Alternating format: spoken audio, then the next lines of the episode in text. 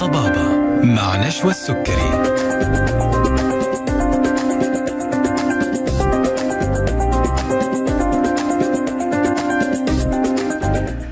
بسم الله الرحمن الرحيم. السلام عليكم ورحمة الله وبركاته. تحية طيبة لكم مستمعينا أينما كنتم وأهلا وسهلا فيكم في حلقة جديدة من طبابة عبر أثير إذاعتكم ألف ألف أف أم الموجة السعودية.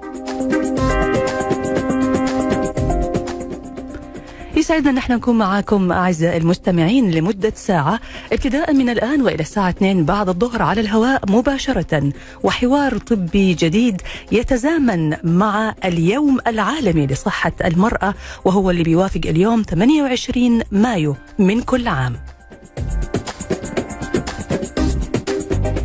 في كل حلقة من حلقات برنامج طبابة بنسعد باستضافة ضيف مميز من ضيوفنا اللي دائما بيشرفونا وبيكونوا معانا. بيناقشوا معانا أبرز المواضيع المتعلقة بالصحة وبالأمراض وطرق العلاج والوقاية. يسعدنا في حلقة اليوم أعزائي المستمعين أنه نتكلم عن موضوع مهم جدا يهم كل امرأة من سن الطفولة إلى الشيخوخة. إيش هو هذا الموضوع؟ هنعرف الآن. بإمكانكم متابعتنا من خلال الاستماع إلى الراديو على الموجة إف إم من جدة 101 من الرياض 94 من الدمام 107.5 ومن مكة المكرمة 102.5 ومن المدينة المنورة 104.5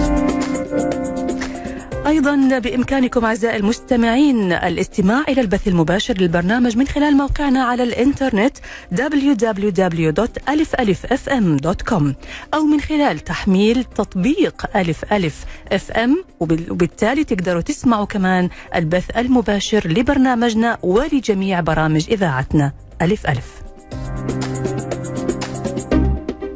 إذا حابين تتواصلوا معنا مباشرة أعزائي المستمعين بإمكانكم التواصل معنا على هاتف البرنامج 012 61 61 100 أو إرسال رسائلكم على واتس البرنامج 055 66 89 01 اللي حابب إنه يشارك الحلقة أي أحد مهتم بموضوع اللي تعرفوه الآن الحلقة هتكون متاحة بإذن الله تعالى خلال 24 ساعة على اليوتيوب. بإمكانكم التواصل معنا كمان من جميع حساباتنا على السوشيال ميديا فيسبوك تويتر إنستغرام واليوتيوب.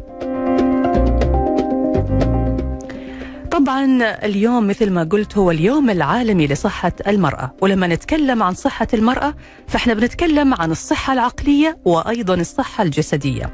صحة المرأة بشكل عام وجسدها الجسد بشكل خاص بتتأثر تأثر كبير جدا بصحة الجهاز التناسلي من لحظة ولادتها وحتى شيخوختها. لأنها بتمر بتغيرات مختلفة تبعا لكل مرحلة. لما بتكون طفلة في مرحلة البلوغ ثم المراهقة ثم مرحلة ما قبل الزواج ثم الأمومة وصولا إلى سن النضج والشيخوخة. موضوعنا اليوم هو الحفاظ على الجهاز التناسلي للمرأة من الطفولة إلى الشيخوخة. أرحب أعزائي المستمعين بضيفة حلقتنا اليوم الدكتورة شوق عابدين استشارية النساء والولادة بمستشفى آية تخصصي. حياك الله دكتورة شوق وأهلا وسهلا فيكي. أهلا وسهلا فيكي. آه وكل عام وأنتم بخير وكل نساء آه المملكة والعالم بألف صحة وعافية. بمناسبة اليوم العالمي لصحة المرأة. وحضرتك بألف خير يا رب. الله. آه طبعا اختيار الموضوع هو اختيارك أنت دكتورة. أنت قررت اليوم إنه إحنا نتكلم عن الجهاز التناسلي أو الحفاظ على الجهاز التناسلي للمرأة. وقلتي من الطفولة إلى الشيخوخة. وهذا بيخليني أبدأ معاكي الحوار يعني الطفلة الصغيرة يعني إيش المشكلة في إنه يعني إيش المطلوب إنه إحنا نحافظ على جهازها التناسلي من لحظة الولادة من وهي طفلة إيش المطلوب يعني آه الحقيقة هي العناية بالجهاز التناسلي قد تكون من داخل رحم الأم من داخل الرحم؟ من داخل رحم الأم مم. آه، من قبل ولادة الطفل آه الآن نحن يعني في عالم متحضر في تمت إضافة الكثير للطب والكثير من الخدمات والكثير من الاكتشافات الطبية اللي بتساهم في آه، مساعدة المرأة باكتشاف المشاكل والحلول مبكرا على سبيل المثال ال- الآن نمتلك تحليلات ممكن نكتشف نوعية الجنين من عشرة أسابيع اللي هو تحليل ال NIPT تحليل NIPT من التحاليل الحساسة جدا تصل درجة حساسية التحليل إلى 99% 99.9 وبيشخص الكثير من الأمراض. نعم. كثير من الأمراض زي مرض التيرنر مرض التيرنر من الأمراض المعروف إنه حيكون في خلل ضخم في الجهاز التناسلي للمرأة. فبالتالي من البدايات مبكر جدا ممكن نكتشف إنه في مشكلة أو في حل أو حتى جنس الجنين من الأسبوع العاشر في الحمل. آه، اكتشاف جنس الجنين مبكر بيخلي فيه تهيئة نفسية للأم وللأب إن هم بصدد استقبال مولود أنثى فبالتالي بيكون في استعداد نفسي بيساعد الأهل والوالدين على التهيئة. نعم. لاستقبال هذه الهبة الإلهية آه، الهدية الربانية من الله سبحانه وتعالى أنه راح يكون عندهم طفلة. فبالتالي هذا الاستعداد النفسي بيساعد على تثقيف الأم والأب إنه هم كيف نستعد كيف نربيها كيف نخدمها إنه تكون أنثى مميزة في الحياة. آه فترة الحمل بتعتني طبعا الأم بنفسها بيكون في متابعة طبية بي بي- بنكتشف مثلا بعض المشاكل العيوب الخلقية قد تكون موجودة لدى الأنثى في جهاز التناسل المبكر فترة الحمل. آه هذا بيساعد أيضا إذا كان في أي تدخلات جراحية أو طبية بتقدم مبكرا لهذه الطفلة. آه تتهيأ الأم أنه هي تتناول طبعا الأطعمة المناسبة العناية الطبية المتابعة خلال فترة حملها. جميل. بعد الولادة وإحنا بنسميها الساعة الذهبية طبعا وهذه واحدة من ال ال الأشياء اللي بنهتم بها جدا في مستشفى آية وبنعزز ليها جدا. هي فترة اللقاء الأول ما بين الأم والطفل اللي إحنا بنسميها ال golden hour والساعة الذهبية. هي من أروع الساعات في حياة المرأة اللي بتخلق عاطفة ورابطة قوية جدا. آه ونحن نعزز هذا الشيء وعندنا له بروتوكول خاص بنسميه بروتوكول الساعة الذهبية في الولادة. إيش هو البروتوكول هذا؟ البروتوكول أول حاجة آه طبعا مجرد خروج الطفل آه بيتم الاحتفال من قبل الطاقم الطبي الموجود. تشجيع الأم ويعني المباركة لها بإتمام الولادة وضع الطفل مباشرة الجلد لجلد جلد الطفل لجلد الأم آه، مباشرة تلامس، نعم. التلامس مم. مباشرة بعد الولادة ترك الطفل بدون يعني فصل الحبل السري لمدة ثلاث دقائق حتى يزيد تدفق الدم للطفل مم. بنترك الأم تبدأ أول تجربة لها مع الولا مع الرضاعة الطبيعية نعم. فهذه من الأشياء اللي إحنا بنشجع ليها جدا في مستشفى آيو ونعتبرها أحد البروتوكولات الثابتة في أداء الأطباء. آه بندرب كل أطبائنا وكل الاستاف الطبي الموجود كيف يتعامل مع هذه اللحظة لأنها لحظة فاصلة أكيد. وقوية جدا وبتترتب عليها أشياء وتترتب عليها. أشياء مدى الحياة. مم. طبعا لا مجال لذكر كل الفوائد اللي ممكن نجنيها من هذا هذه. ممكن نخليها في في حلقة ثانية. لأنه إحنا اليوم موضوعنا حلقة. اي. بالضبط. هي تحتاج حلقة. نأتي للعناية بالطفلة الوليدة، مم. الطفلة الوليدة طبعا بمجرد خروجها بيتم الكشف عليها من قبل طبيب الأطفال، بيتأكد طبعا من التركيبة الخارجية لجهاز التناسل لل- للطفلة، إذا وجود أي خلل أو عيب خلقي بيتم التعامل معه مبكر، وحقيقة يعني توجد أحيانا بعض ال- الاستفسارات آه، أو بعض الأشياء ال- ال- ال- ما بتكون عادة متواجدة بعد الزيادات آه، بعد ال- التضخم في بعض الأعداء التناسلية الغريبة فبالتالي بيتم التعامل معها مبكرا. آه، ممكن يكون في استفسار من الأم لنزول دم أحيانا من الطفله الوليدة. فبنطمئن الأم إنه بسبب ارتفاع هرمون الأستروجين اللي أخذته الطفلة ووجود مبيضين داخل حوض الطفلة فبالتالي حيكون في استجابة لهذا الهرمون فممكن في الثلاث أيام الأولى يكون في نزول بعض قطرات الدم من مهبل الطفله يعني كأنها حيض بسيط. كأنها حيض استجابة لهرمونات الأم. استجابة لهرمونات الأم. فهذا فرق كبير ما بين ولادة الطفلة وولادة الطفلة الأنثى والطفل الذكر. ففي بعض الفوارق اللي آه، يجب الأم إنه هي تعرفها. من. يوم ما هي حامل بطفلة أنثى فبالتالي بيتم التعامل معها وبي بتزال كثير من المخاوف. جميل. إحنا هنتوقف هنا دكتور شوق. يعني إحنا الآن يمكن عرفنا لحظة الولادة وأنا ما كنت متخيلة إنه الحفاظ على الجهاز التناسلي للأنثى أو للمرأة. بيكون من بداية الحمل يعني من وهي جنين في بطن أمها. صحيح. والآن بعد الولادة حضرتك ذكرتي مجموعة أشياء. طبعا الطبيب اللي بيولد الطفلة هو اللي بيهتم طبعا بإجراء هذه الفحوصات ويبلغ أهلها إذا في لا قدر الله مشاكل أو شيء.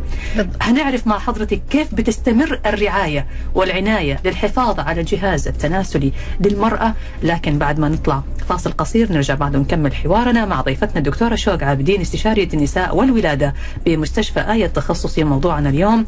مثل ما قلنا الحفاظ على الجهاز التناسلي للمرأة من الطفولة وإلى الشيخوخة. نستقبل اتصالاتكم على هاتف البرنامج 012 61 61 100 ورسائلكم على الواتس 055 66 89 01 فاصل ورجعين.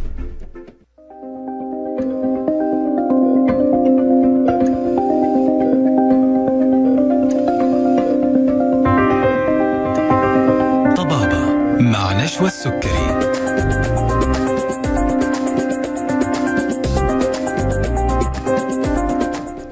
حياكم الله من جديد مستمعينا الأعزاء وأهلا وسهلا فيكم مرة ثانية في برنامج طبابه عبر أثير إذاعتكم ألف ألف أف أم ومع ضيفتنا الدكتورة شوق عابدين استشارية النساء والولادة بمستشفى آية التخصصي. موضوعنا اليوم موضوع مهم جدا وأرجو كل أم وكل أب بيسمعنا الآن إنه يركز معنا في الموضوع اللي بنتكلم فيه ويشارك الحلقة كمان لأي أسرة عندهم آه، بنات أطفال آه، يعني إناث مهما كان العمر لأنه زي ما قلنا في سن الطفولة بتحتاج الطفلة هذه إلى رعاية أبويها لأنه هم اللي يكونوا مسؤولين عنها مسؤولية كاملة أمام الله سبحانه وتعالى. طبعا لازلنا نستقبل اتصالاتكم على هاتف البرنامج 012 61 61 100 ورسائلكم على الواتس 055 66 89 01. ارحب فيك مرة ثانية دكتورة شوق واهلا وسهلا فيك. أهلا وسهلا فيك. موضوعنا اليوم دكتورة صراحة يعني موضوع متشعب ودسم جدا. بحاول قدر الإمكان إنه إحنا نختصر في نقاط عشان يعني ناخذ مراحل عمر المرأة من الطفولة إلى الشيخوخة. لأنه أنا يعني ملاحظة أنه كل نقطة وكل مرحلة ترى هي حلقه مهمة جداً. مهمة جدا. صحيح. طيب خلينا الآن نتجاوز مرحلة الولادة. ندخل في مرحلة الطفولة. مر- المبكرة. هي مرحلة مهمة جدا وتحصل فيها مشاكل كثير. صحيح. طيب. مرحلة الطفولة المبكرة مرحلة هامة جدا. آه، الطفل كائن رقيق. نعم. يعني وكل أعضائه في مرحلة نمو وتطور. فبالتالي أي مشكلة قد توقف هذا التطور الطبيعي للأعضاء التناسلية. فبالتالي يجب ملاحظة آه، أي حاجة غريبة زي وجود التهابات مثلا في الجهاز التناسلي حتى لا تصاب الخلايا المتطورة واللي بتنمو بشكل سريع جدا إنه ومن الأشياء الخطيرة جدا في الجهاز التناسلي للمراه زي المبايض إنه الخلايا المبيض لو أصيبت بالتهابات أو تدمرت لا يوجد لها بديل. فهي خلايا لا يمكن استبدالها فإذا تضرر المبيض بالتهابات من مرحلة مبكرة فإحنا فقدنا المبيض تماما. فيجب الانتباه لهذا الشيء الأنابيب آه أنابيب فالو من الأشياء الرقيقة جدا والحساسة اللي لو صار فيها التهاب أيضا ستتغير تركيبتها بالتالي ستكون عائق مستقبلا لأداء وظيفتها في الخصوبة طيب هو دكتورة يعني في هذا السن الصغيرة إيش اللي ممكن يسبب التهابات لطفلة في هذه الأجزاء؟ من الاشياء الشائعه طبعا هي التهابات المسالك البولية. اللي بتكون نتيجة مثلا الإهمال في نظافة الطفل في. مرحلة مبكرة. مم. فننتبه لي مثلا تغيير الحفاضات بشكل دوري. آه عدم الاستناد مثلا للخادمات أو المربيات في تنظيف الطفل. يجب أن تشرف الأم بنفسها على عملية تنظيف الطفلة بشكل جيد بشكل بالماء والصابون. آه يتم تجفيف جسد الطفلة آه بشكل جيد قبل ارتداء الحفاضه حماية جسد الطفلة. بالكريمات ومنع التسلخات. هذه ابتداء الشيء الآخر ملاحظة وجود أي التهابات مبكرة. يعني في علامات مثلا وجود إفرازات غير طبيعية بكاء الطفلة عند عملية التبول. هذه كل أشياء تدل على وجود التهابات في المسالك البولية اللي لها علاقة وثيقة جدا بالجهاز التناسلي للمرأة. آه، وجود التهابات لدى الأطفال. شيء. خطير جدا يجب أنه إحنا ننتبه له. أي إفراز غير طبيعي يجب اللجوء إلى الطبيب مباشرة طبيب مم. الأطفال. واكتشاف سبب هذه الالتهابات. طبعا هم بشر زينا فتجيهم بعض البكتيريا أو الفطريات ممكن. مم. فيتم اكتشاف ال- المشكلة مبكر وعلاجها. تمام. من الأشياء الحساسة جدا ممكن ما ينتبهوا لها الأهل إذا تكررت مشكلة الالتهابات. نعم.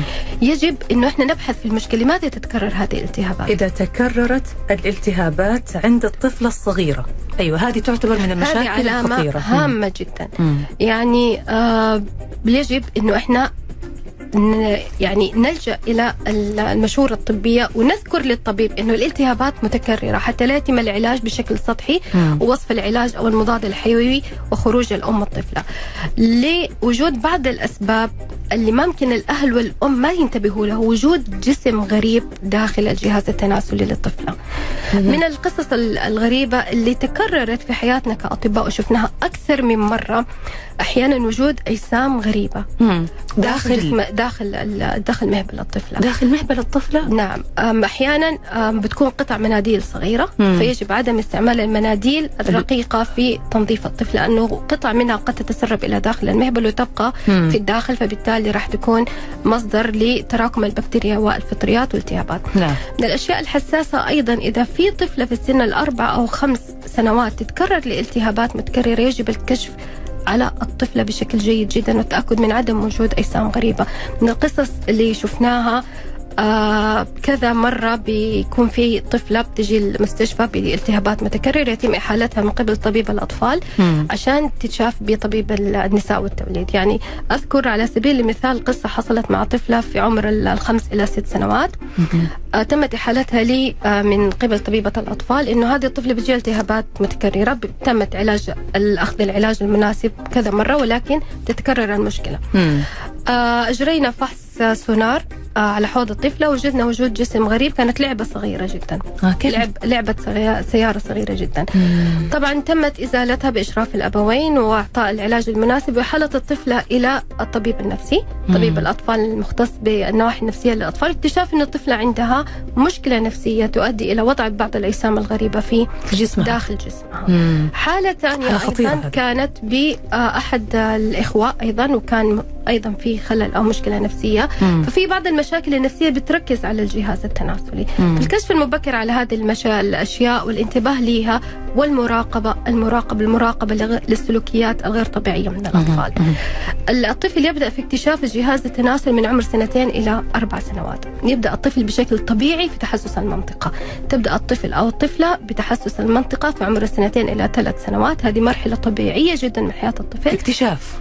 بيكتشف. مم. ولأنه إحنا آه، ك ككلتشر وكبيئة دائما بنع- بنعتبر الجهاز التناسلي أو التعامل معه أو لمسه أمام عيب الآخرين وحرام. عيب نعم فعيب يا ماما عيب يا بابا كي خلا تحط إيدك هنا يبدأ الطفل يتعامل مع هذا الجزء من جسمه انه جسم غريب مم. عايز يستكشف إيش اللي صاير في هذه القصة دائما محمي دائما متغطي ما بنشرح له ببساطة انه هو جزء من جسمك زي إيدك زي رجلك نتعامل معاه بشكل طبيعي. بننظفه بشكل طبيعي فبالتالي ما يكون ما حيكون عند الأطفال غموض بالنسبة لهذه المنطقة ويحاول يكتشفها بنفسه متى. نشرح له متى السن المناسب اللي نعطي له هذه المعلومة أول ما يبدأ الطفل يتحسس المنطقة مم. أول ما يبدأ يتحسس معنا بدأت الأسئلة تصعد إلى سطح مم. إلى السطح دماغ الطفل وبدأ يستكشف ال- ال- الشيء مم. فبالتالي إحنا بسهولة جدا حنشرح له هذا الجزء جزء من جسمك. أنت لازم تحب هذا الجزء وتهتم بنظافته وتهتم لكن جزء خاص لا تسمح للآخرين مثلا بوضع ايديهم فيه أو لمسه أو الكشف. هذا جزء عادي ولكن له معاملة خاصة. مم. من من البدايه أول ما الطفل يبدأ يستكشف إحنا بنعلمه هذه الأشياء. فبالتالي حيأخذ الفترة الكافية إنه يستكشف هذه المنطقة وحنلاحظ تلقائيا إنه الطفل راح يبطل يتحسس هذه المنطقة. طيب خلينا ننتقل بسرعة للنقطة الثانية. يعني برضو في حضرتك ركزت على جزئية مراقبة سلوكيات الطفل لأنه ممكن بعض الأطفال يكونوا بيتعرضوا لمشاكل أخرى من نوع آخر. وتأثر على حياتهم وعلى صحتهم ونفسيتهم ومستقبلهم وكل شيء بالطبع خاصة معلمات المدارس في مرحلة الروضة مم. يعني كثير من المشاكل بتجيني محالة من المدرسة إنه الطفلة دي بت- بتضع يدها في هذه المنطقة بشكل آه، على. جهازها التناسلي. بتغضب ال- المعلمة بتوجه الأم بيتم التعامل مع المشكلة كأنها مشكلة حقيقية أو مشكلة سلوكية مشكلة طبيعية أنت بتتعامل مع طفلة عمرها ثلاث أربع سنوات مم. من الطبيعي إنه هي تتحسس منع منعتها الأم في البيت فبالتالي هي حتلجا لمكان آخر تضع فيه ايدها اللي هي في المدرسة مثلا. فيجب إنه حتى معلمات المراحل الابتدائية والروضة إنه يكونوا واعيين لهذا التطور الطبيعي بالنسبة للطفل يتعاملوا معه بشكل طبيعي متى يصبح التحسس المنطقة هذه يشكل مشكلة أو هنا في خلل مو طبيعي بعد عمر الأربع سنوات نعم. أربع إلى خمس سنوات وما فوق معناها إنه لا في مشكلة مم. لهذا الطفل مم. فلازم نراقب سلوكيات الطفل وسلوكيات الأقران بالنسبة للأصدقاء أو الإخوة فيه. المحيطين فيه في المنزل مم. ولا يجب إنه نعرض الطفل على استشاري سلوكيات أطفال لأنه قد يكون هذا الطفل تعرض لاعتداء جنسي أو أو, تحرش. جنسي مم. أدى إلى هذه المشكلة. إذا لم تعالج المشكلة مبكرا مبكرا طبعا راح تتحول إلى مشكلة كبيرة جدا في مم، المستقبل. جميل. الوقت بيمر بسرعة شديدة وعندنا محاور كثيرة دكتورة شوق. هنطلع فاصل الآن. نرجع بعد الفاصل نتكلم عن مرحلة البلوغ, البلوغ. وناخذ مرحلة يعني ما قبل الزواج بشكل سريع جدا عشان نحاول نغطي محاور آه، الحلقة اليوم. آه، فاصل قصير أعزائي المستمعين نرجع بعد ونكمل. حوارنا. لازلنا نستقبل أسئلتكم على واتس البرنامج 055 66 89 صفرين واحد. معنا الدكتورة شوق عابدين استشارية النساء والولادة بمستشفى آية التخصصي. فاصل وراجعين.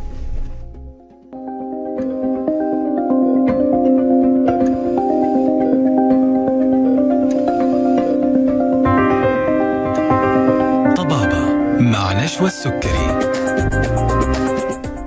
ويا هلا وسهلا فيكم من جديد مستمعينا في برنامجكم طبابة على ألف ألف أف أم ومع ضيفتنا الدكتورة شروق عابدين استشارية النساء والولادة بمستشفى آية التخصصي وموضوعنا اليوم موضوع فعلا مهم وهو الحفاظ على الجهاز التناسلي للمرأة من الطفولة إلى الشيخوخة.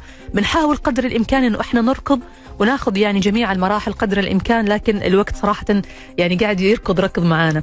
حياك الله دكتورة شوق مرة ثانية أهلا وسهلا فيكي. طيب إحنا هننتقل الآن لمرحلة البلوغ عند المرأة أو عند الطفلة. المشاكل اللي ممكن تصيبها في جهازها التناسلي في هذه المرحلة.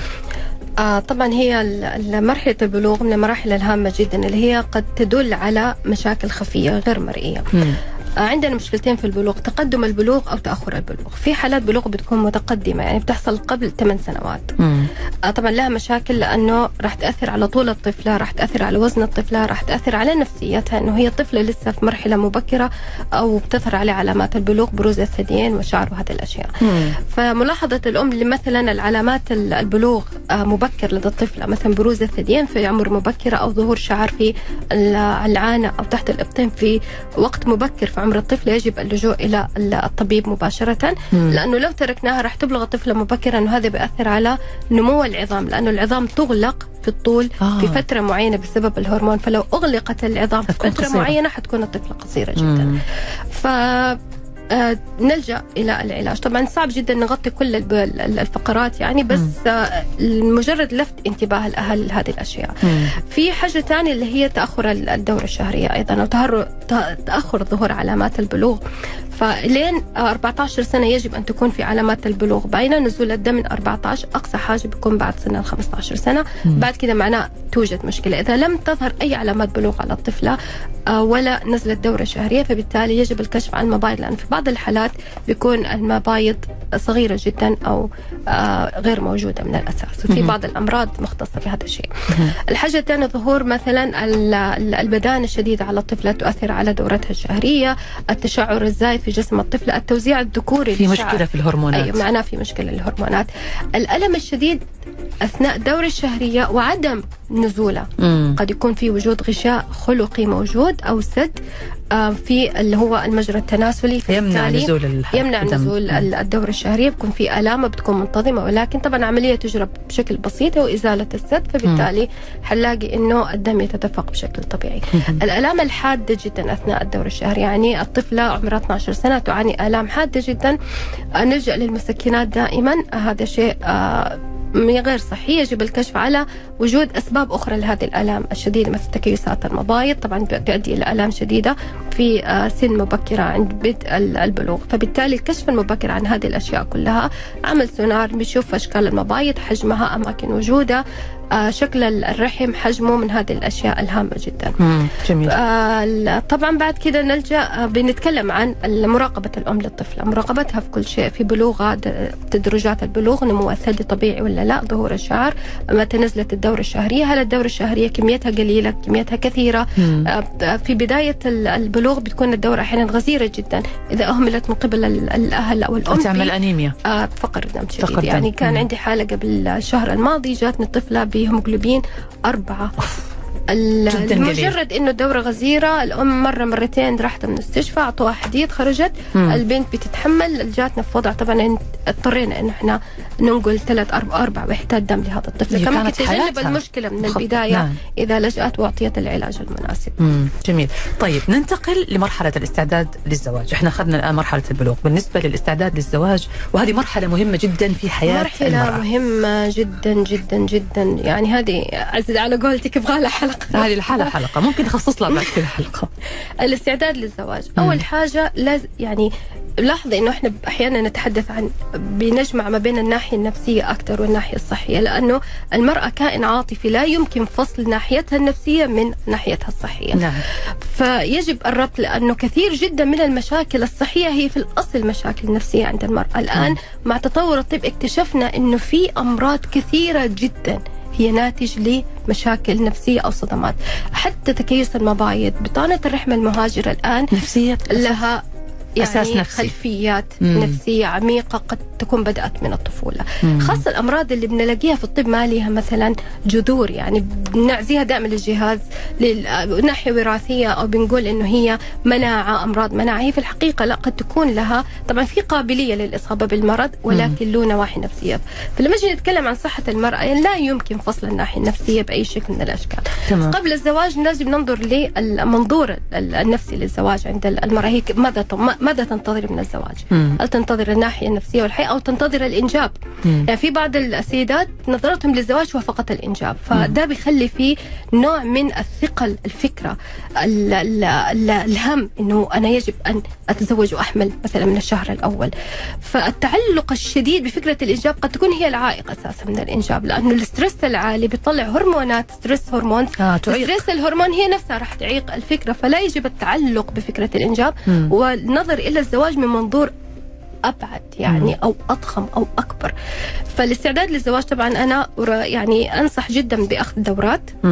الدورات تهيئة آه، للزواج وأنصح جدا إنه المخطوبين الاثنين هم يحضروا هذه الدورات في نفس الوقت لأنه كل الأسئلة اللي راح تنطرح من جانبهم راح تعرف الطرف الآخر على طريقة تفكير صحيح الشريك. وتقربهم من بعض أكثر. حتقربهم للبعض وجود خبير حيجاوب على هذه الأسئلة بيخلي فيه راحة أكثر إنه أنا أسأل الأسئلة المحرجة أو أسئلة ال deep أو أتعرف على شريكي كيف بيفكر مم. الثقافة الجنسية ثقافة هامة جدا يجب طرحها في الدورات ومناقشتها بشكل كامل لأنه كثير جدا من الأمراض اللي بتجي لعيادة النساء والولادة كان يمكن حلها زي مرض التشنج المهبلي مم. التشنج المهبلي من الأشياء الشائعة جدا ليش؟ لأنه في انفصال ما بين فكرة الثقافة الجنسية وما بين الجسد مم. الثقافة الجنسية التي أدخلت في عقل الطفلة آه، الخوف الألم الوات ايفر من الأفكار والقصص والمعتقدات وفجأة وفجأة أواجه هذا الشيء أمامي فبالتالي جسمي راح يحاول حماية نفسه. اي لأنه أنا عززت عنده جداً. هذا المفهوم هذه المنطقة المحرمة التي لا يمكن الاقتراب لها. فبالتالي بعد الزواج صعب إنه أقول له خلاص أصبح هذا الشيء متاح. راح نرجع للفترة للفترة الأولى فترة تح- اللي هو السماح للطفل بتحسس الجهاز التناسلي. مم. لو منعنا هذا الطفل من التحسس والاكتشاف أيضا حننتهي بشابات تعاني من التشنجات المهبلية. مهم. ال- بي- بيؤدي المشكلة قد تؤدي بعد كده الانفصال العاطفي. أو الانفصال ال- الحميمي يعني بتصير في مشكلة ضخمة قد تؤدي أيضا إلى الانفصال أو الطلاق. كل هذه الأشياء كان ممكن نحلها بمجرد آه، تثقيف ال- الطفلة وتثقيف الأم عن طريقة التعامل معها تمام. إذا نقدر نختصر اللي هي الصحة صحة الجهاز التناسلي. أولا يجب إجراء آه، تحاليل ما قبل الزواج. آه، تراجع السيدة طبيبة النساء والولادة قبل الزواج. مم. آه، بتتعرف على ال- ال- الجهاز التناسلي. الطبيبة ستناظر الجهاز التناسلي الخارجي. فبالتالي إذا في أي مشاكل بحاجة إلى تجميل بحاجة إلى تعديل أي شيء بيتم هذه قبل. قبل الزواج. والآن يعني إحنا في مستشفى آية لدينا عيادات متخصصة في التجميل آه، ما قبل الزواج كمان. طبعا هذا بيعطي راحة نفسية ضخمة. هو إيش المقصود هنا بالتجميل قبل الزواج؟ التجميل قبل الزواج بيكون مثل المنطقة الحساسة. النساء العربيات عموما عندهم مشكلة مع هذه المنطقة مم. المنطقة الخفية العالم المجهول بالنسبة لها مم. فلما تيجي طبيبة النساء والولادة بتطمنها إنه الأمور جيدة ولكن مثلا بحاجة إلى بعض الأمور البسيطة لتعديل هذه المنطقة وجعلها أكثر أناقة أكثر جمال يعني هي جزء من أناقة المرضى أيضا هذه المنطقة الحساسة نعم. الجيل الجديد الآن جيل صراحة رائع جدا ومتفتح يعني واحدة من الجمل اللي اتقالت لي من واحدة من الشابات في العيادة إنه أناقة المنطقة الحساسة زي أناقة وجهي جمالها. زي جمال وجهي مم. بشرتها زي بشرة وجهي. بصراحة يعني أعجبت جدا بهذا المصطلح. هذا لازم. نعامل المنطقة كمنطقة أنيقة ونهتم بأناقتها وتجميلها. هذا بيعطي من حسن التباعد كمان بيعطي ثقة كبيرة للمرأة في هذا الشيء. بتكون داخلة على هذه التجربة الجديدة وهي واثقة من أناقة المنطقة. مهم. آه زي ما ذكرت آه، سوري. ننتقل للنقطة اللي بعدها. الآن هي تزوجت خلاص. وبدأت الآن يعني حياة جديدة من حياتها. قد تكون في هذه الفترة يمكن أكثر عرضة للأمراض للعدوى للمشاكل بسبب طبعا العلاقة بالضبط. الحميمة. طيب أول حاجة نعملها هو تحليل كشف ما قبل الزواج التعرف والثقافة عن مثلا الأمراض المصاحبة للفترة الأولى من الزواج. طبعا بيكون عندنا في الفترة الأولى التهابات مسالك بولية بشكل طبيعي التهابات المهبل. كثير من الشابات الآن بيلجأوا ياخذوا نصيحة قبل الزواج كيف التعامل ومنع هذه الالتهابات. فبنعطي النصائح الطبية عن الطريقة الصحيحة مثل الممارسة في الفترة الأولى آه، اللي هو شرب الماء الكثير أخذ بعض ال- الأدوية اللي بترفع المناعة مم. وتمنع هذه النوع من الالتهابات. تمام. من الأشياء الهامة جدا الثقافة عن الأمراض المنقولة جنسيا وإنه كان الموضوع شوي النقاش فيه حساس إلى إنه موجود وبنشوفه في العيادات. آه ونعت... إحنا كأطباء بنتعامل معها كأمراض ولكن آه يجب أن نحن مع سياسة المنع. مم. وليس مع سياسة العلاج مم. يعني سياسة منع الإصابة أساسا بالأمراض المنقولة جنسيا ولا ننتظر سياسة العلاج لهذه الأمراض المنقولة جنسيا لأنه لها إمباكت ضخم جدا على علاقة المرأة بزوجها علاقتها الجهاز التناسل. طبعا من الأشياء المضرة جدا لجهاز التناسل عند المرأة ممكن تؤدي إلى الرعب الشديد بسبب الآلام أحيانا زي ال- القرح ال- ال- ال- اللي بتصيب الجهاز التناسل. أحيانا تكون مؤلمة جدا. ممكن تؤدي أيضا إلى تدمير الجهاز التناسلي للمرأة. فبالتالي آه تؤدي إلى العقم. نحتاج بعد كده إلى أش- أشياء متطورة أكثر عشان الوحدة تحمل مم. فإحنا مع سياسة المنع زي ما ذكرنا فنتعرف على الامراض المنقولة جنسيا إيش هي كيف نمنع نفسنا منها؟ طبعا ال- المنع هي مسؤولية مجتمعية ومسؤوليه ثقافية مسؤولية البيت والأهل والمجتمع والدين والثقافة من البداية. وفي نقطة مهمة كمان يا دكتورة نركز عليها برضو. يعني يمكن ال- البنت بحكم تربيتها وبحكم المجتمع غير الولد. الولد بيسافر أكيد. بيروح بيجي يمكن عنده مساحة حرية. يعني بعيدا الآن عن جانب الضمير وال- والوازع والأشياء هذه.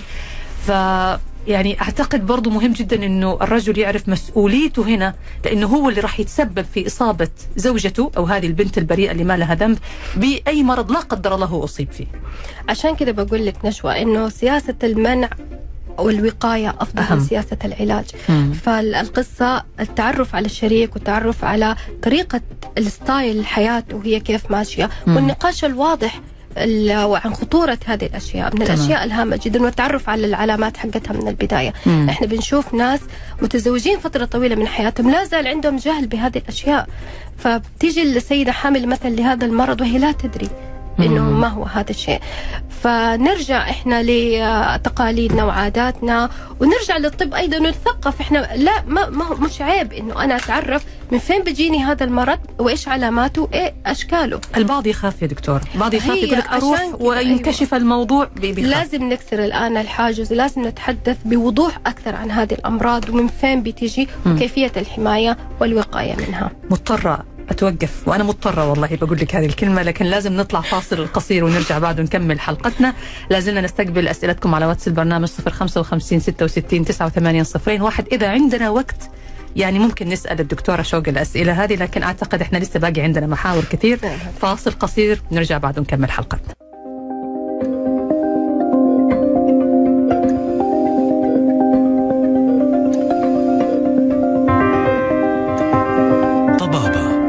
مع نشوى السكري يا هلا وسهلا فيكم من جديد مستمعينا الأعزاء وصلنا للجزء الأخير من حلقتنا نحاول قدر الإمكان مع ضيفتنا الدكتورة شوق عابدين استشاره استشارية النساء والولادة بمستشفى آية التخصصي إنه يعني ناخذ المحاور المهمة.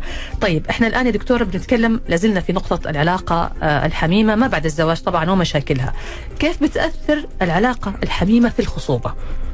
في علاقة ما بين العلاقة الحميمية والخصوبة. وأختصرها لك في قصة واحدة. كثير من السيدات بيعتقدوا مثلا أنه الوصول إلى ال- ال- النشوة يمنع مثلا الحمل. وأنا أقول لهم العكس. العلاقة الحميمية دون إشباع تؤدي إلى عدم آه، تؤدي إلى جفاف. عنق الرحم. مم. عنق الرحم مع الوصول للنشوة بيفرز مواد مخاطية. بهذه المواد المخاطية بتسهل عملية دخول الحيوانات المنوية وتمنع جفاف عنق الرحم. التعرض لعلاقة حميمية متكررة دون إشباع ودون طرح المشكلة ما بين الطرفين قد تؤدي إلى جفاف ومشكلة في عنق الرحم. قد هذه النقطة ما يلتفت لها الكثيرين. مم. فيجب زي ما قلنا إنه الخضوع للدورات الحوار الصريح طرح المشكلة الوصول إلى ال- ال- العلاقة الحميمية المثالية ما بين الزوجين تضمن أيضا العلاقة النفسية الجيدة وحتى الخصوبة تتأثر مم. بهذا أنتوا عندكم. في مستشفى آية تخصصي يعني جايبين صراحة بدور رائع جدا في عملية التوعية والتثقيف خاصة في مشاكل حساسة صعب إنه أحد يتكلم فيها صح. هل فعلا في إقبال على هذه الدورات وناس في إقبال ضخم جدا وفي الآن إحنا بدأنا اللي هي دورات آه، التثقيف الحمل والولادة ممتاز امبارح كانت أول أول أولى المحاضرات وكانت كان الإقبال رائع جدا. ممتاز. فإحنا بنحاول ننقل الفكرة الصحيحة عن الحمل والولادة وطرق الولادة ومخاطر الولادة والغذاء الجيد وتمارين حتى الآن عندنا راح يكون صالات جيم ليوغا الحوامل. مم. آه وعندنا مدربات معتمدات في المستشفى. راح نبدأ بتدريب السيدات. إنه من بداية حملها بتجي بتتدرب بتعمل تمارينها الرياضية على أيدي متخصصين قد تكون الأولى في آه جدة أو حتى في المملكة العربية ممتاز. أنا السعودية. شفتها بس في الأفلام الأجنبية في في أوروبا. إحنا الآن لدينا في المستشفى. ممتاز ممتاز. موجودة. فالآن راح نعلمهم حتى التمارين ال- الرياضه اللي بتساعد طبعا على التهدئه والتنفس وتسهل عليهم عملية الولادة. جميل. طيب إحنا هنتخطى مرحلة الحمل وال... والإنجاب لأنه المرحلة هذه فيها صراحة كلام كثير كثير للحفاظ جداً، فما هنقدر. نوفيه لكن ممكن الآن نروح لما بعد الولادة الحفاظ على الجهاز التناسلي بعد الولادة. هذه فقرة هامة جدا. لأنه السيدة لا زالت تحت تأثير الهرمونات. مم. على الطرف الآخر إنه يتفهم هذا الشيء. وفي هرمون جديد الآن يصعد إلى السطح اللي هو هرمون الحليب. مم. هرمون الحليب من الهرمونات المؤثرة جدا في جسد المرأة. تؤدي إلى جفاف في الجهاز التناسلي جفاف في المهبل اضطرابات في الدورة إفرازات دموية متكررة. الحالة النفسية أيضا يؤثر هرمون الحليب يؤثر على الحالة النفسية. مم. فالطرف الآخر لازم يتفهم هذا الشيء والأم لازم تتفهم هذا الشيء. إنه المكان راح يكون جاف راح يكون في بعض التغيرات في الشكل والحجم وهذه الأشياء كلها. رجوعها إلى الطبيبة بيساعد كثير جدا في كشف هذه المشاكل. بنعطي بعض الأدوية اللي بترمم وترطب المهبل بنساعد إذا كان في أي مشاكل آه، في الشكل في اللون. بنحاول نصححها في عيادات التجميل عندنا. مم. الحاجة الثانية إنه إحنا بنفهم السيدة إيش التغيرات اللي بتصير معها بعد الولادة نحميها من الالتهابات اللي بتكون ناتجة عن موضوع الجفاف. مراقبة إذا كان في التهابات داخل الرحم وبيتعرض الرحم لبعض الالتهابات آه، اللي بتكون بعد آه، عملية الولاده عارفة طبعا التعرض لهذه ال- الولاده والنزيف وهذه الأشياء قد تكون بيئة أو ميديا ممتازة لنمو بعض البكتيريا والفطريات. مم. فبنعالج كل هذه المشاكل حتى تتخطى السيدة فترة ما بعد الحمل والولادة. طبعا صعب زي ما قلت نحن نشرح كل حاجة ولكن لمساعدة السيدات إحنا الآن على موقع المستشفى حيكون في آه الكثير جدا من الفقرات التوعية والثقة التثقيفية وحيكون في فيديوهات حيكون في دورات موجودة عندنا تمام. بتغطي هذه الفترة من حياة المرأة. ممتاز. ننتقل للعناية بالجهاز التناسلي بعد فترة انقطاع الطمث أو نخليها سن النضج. قبل ما ندخل النشوة فقط في هذه النقطة حابة بس أكد على اللي هو وجود بعض التطعيمات الآن موجودة. آه، زي تطعيم الجاردسيل الجاردسيل هو تطعيم للي هو ال- الورم الحليمي مم. أو الثقاليل زي ما بيقولوا عليها في المجتمع هذا ورم خبيث ليست كل الأنواع خبيثه ليست كلها. هو في أنواع كثيرة جدا مم. الآن بتحاول كل ال vaccines أو التطعيمات إنها تغطي أكبر عدد منه يعني بدأنا بالجاردسيل الآن كان بيغطي اثنين الآن تطور أصبح بيغطي سبعة ممتاز. أنواع وطبعا عندنا إلى 51 نوع من الفيروس بس أغلبيتها حميدة اللي هي تؤدي فقط إلى الثقاليل الخارجية إيش العمر المناسب لأخذ الفاكسين؟ يبدأ هم طبعا المفروض يبدأ يعطى عن عمر ال 11 سنة بعد كده عمر ال 12 سنة ولكن طبعا في البلدان الغرب ممكن يكون التعرض إلى ال- العلاقة الجنسية مبكر. فأصبح من عمر 9 سنوات 11 سنة 12 سنة للناس اللي ما تعرضوا لسه أو ما مارسوا حياة جنسية ممكن يكون إلى عمر 26 سنة. مم. اللي ما عندهم إصابات سابقة ممكن ياخذوا ال vaccine. التعرض إلى الإصابة السابقة لا يمنع أخذ ال vaccine. زي ما قلنا إنه ال vaccine أو التطعيم بيغطي عدد من الأنواع مم. فصعب إنه أعرف إيش ال- ال- الفيروس اللي. أصيب رقمه كم عشان أعطي ال vaccine فإحنا ننصح الآن لكل الفئات العمرية إنها تاخذ ال vaccine يعني الآن بقرأ آخر دراسة إلى عمر ال 45 ما كان موجود هذا الكلام مم. إلى عمر ال 45 سواء تعرض أو لم يتعرض لكن أنصح بشدة جدا الأمهات إن هم يعطوا بناتهم التطعيم في عمر المدرسة وعمر 9 11 12 سنة. هو ما هو تطعيم إجباري ضمن التطعيمات اللي بياخذوها ليس إجباري ولكن طبعا إحنا مع موجه الحياة المتسارعة لازم الآن في كثير من هي اللي تعطيه البنت فالآن للمراهقين كلهم رجال ونساء وكل يعني الفئة المراهقين الآن بياخذوا التطعيمات. بعد ال 45 ما ما ياخذوا خلاص. ما فيش فائده ما في خلاص. يعني هو لازم آخر تعرض أو لم يتعرض. ما انتهى الموضوع بالنسبة له. يعني اذا هو أخذه لازم يكون في المراحل العمرية المبكرة. الآن هذه دراسة حديثة بتقول إلى عمر 45 سنة سواء تعرض أو لم يتعرض إحنا عشان نقلل فقط لأنه في نوع أو نوعين هم الخطيرين اللي في النهاية بيؤدوا لسرطان عنق الرحم. أيوه. فإحنا we are targeting النوعين دول بنحاول نغطي فئه ضخمه من المجتمع. تمام. طيب في المرحلة بقى هي مرحلة انقطاع الطمث. هذه المرحلة اللي بيكون فيها هرمونات مختلفة فيها مشاكل مختلفة بتشعر فيها المرأة. الجفاف برضو بيزيد في هذه المرحلة الدهون نفسها بتنزل. يعني في أشياء كثيرة ومشاكل بتأثر نفسيا على المرأة وصحيا وجسديا ومن كل النواحي. طيب هي مرحلة يعني مرحلة مظلومة من حياة المرأة يعني هي مرحلة تعتبر أنا أعتبرها المرحلة الذهبية يعني مم. مرحلة الآن عودي إلى ذاتك يعني خلاص خلصت مسؤوليات الضخمة الآن تعود إلى ذاتها وتعود إلى أنوثتها. بيحصل تغير بسيط اللي هو انخفاض هرمون ال- الأستروجين داخل الجسم بيؤدي إلى هذه المشاكل والتغيرات. كلها يمكن تخطيها. بالنسبة لتأثير الأستروجين على العظام يمكن تخطيه ناخذ الفيتامين د ممارسة الرياضة التقليل من التدخين شرب الماء الكثير آه، بالنسبة لجفاف المهبل بيتعالج الآن في كثير من المرممات والهرمونات والنظام غذائي. بيضمن هذه الأشياء آه، الجهاز التناسلي عند المرأة بيصيبوا طبعا قلة الخصوبة مع ضمور في بعض الأجزاء وهي لا تؤثر أبدا على المرأة هرمون الاستروجين من الهرمونات الحساسة لأنه يؤثر على الناحية النفسية للمرأة مم. في بدائل الآن علاجية بتعطى على حسب يعني تأثر المرأة بهذا الهرمون هو في دائما تخوف من أخذ الهرمونات التعويضية أو الهرمونات البديلة يقول لك إنه ممكن تكون تتسبب في الاصابه بالسرطان أنا ذكرت البدائل, البدائل. وليست كل البدائل مم. هرمونات مم. في بدائل أدوية في بدائل أطعمة مم. تؤدي إلى ما يشبه الهرمون الاستروجين بدون الضرر أو رفع نسبة الإصابة بالسرطان. جميل. طب للي ما أخذت التطعيم وهي صغيرة أو ما لحقت عليه وتعدت ال 45 سنة كيف؟ إحنا تع- نعرف أنه الإصابة بالسرطان في المراحل العمرية هذه بتكون يعني محتملة وأكبر من المص... من الأعمار الصغيرة. كيف تتعامل مع جهازها التناسلي بحيث أن هي تحفظ نفسها وتحفظه من الأمراض والإكتشاف المبكر؟ أول حاجة السيدة يجب أن يكون عندها كشف منتظم إلى عيادات النساء والتوليد مم. إلى وتتوجه إلى عيادة اللي هي الوقاية من سرطان عنق الرحم نعم. بتعمل لها كشف بتعمل لها مسحة باب سمير.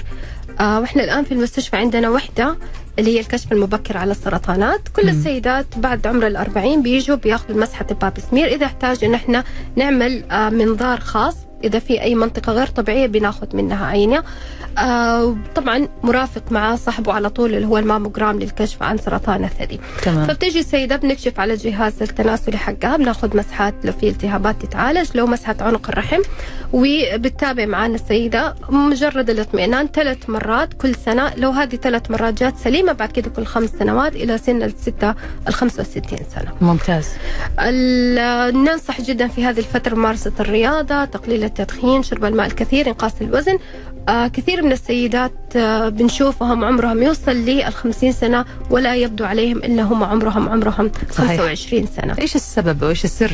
ال- السر من الداخل وليس من الخارج مم. أولا من الداخل هذه السيدة متصالحة مع نفسها سعيدة في حياتها مستقرة عاطفيا آه، تحترم جسدها وب آه، يعني تفعل آه، كل ما تستطيع أنه هي تحافظ على هذه الأشياء. مم، جميل. السيدة المدمرة من الداخل حيبان أنه هي مهما سوت. مهما سوت حيبين أنه عمرها أكبر من سنها بكثير. صحيح. فالأمر يبدأ من الداخل. جميل. أنا راح أنهي معاك الحلقة الآن يا دكتورة ومضطرة أني أنهيها.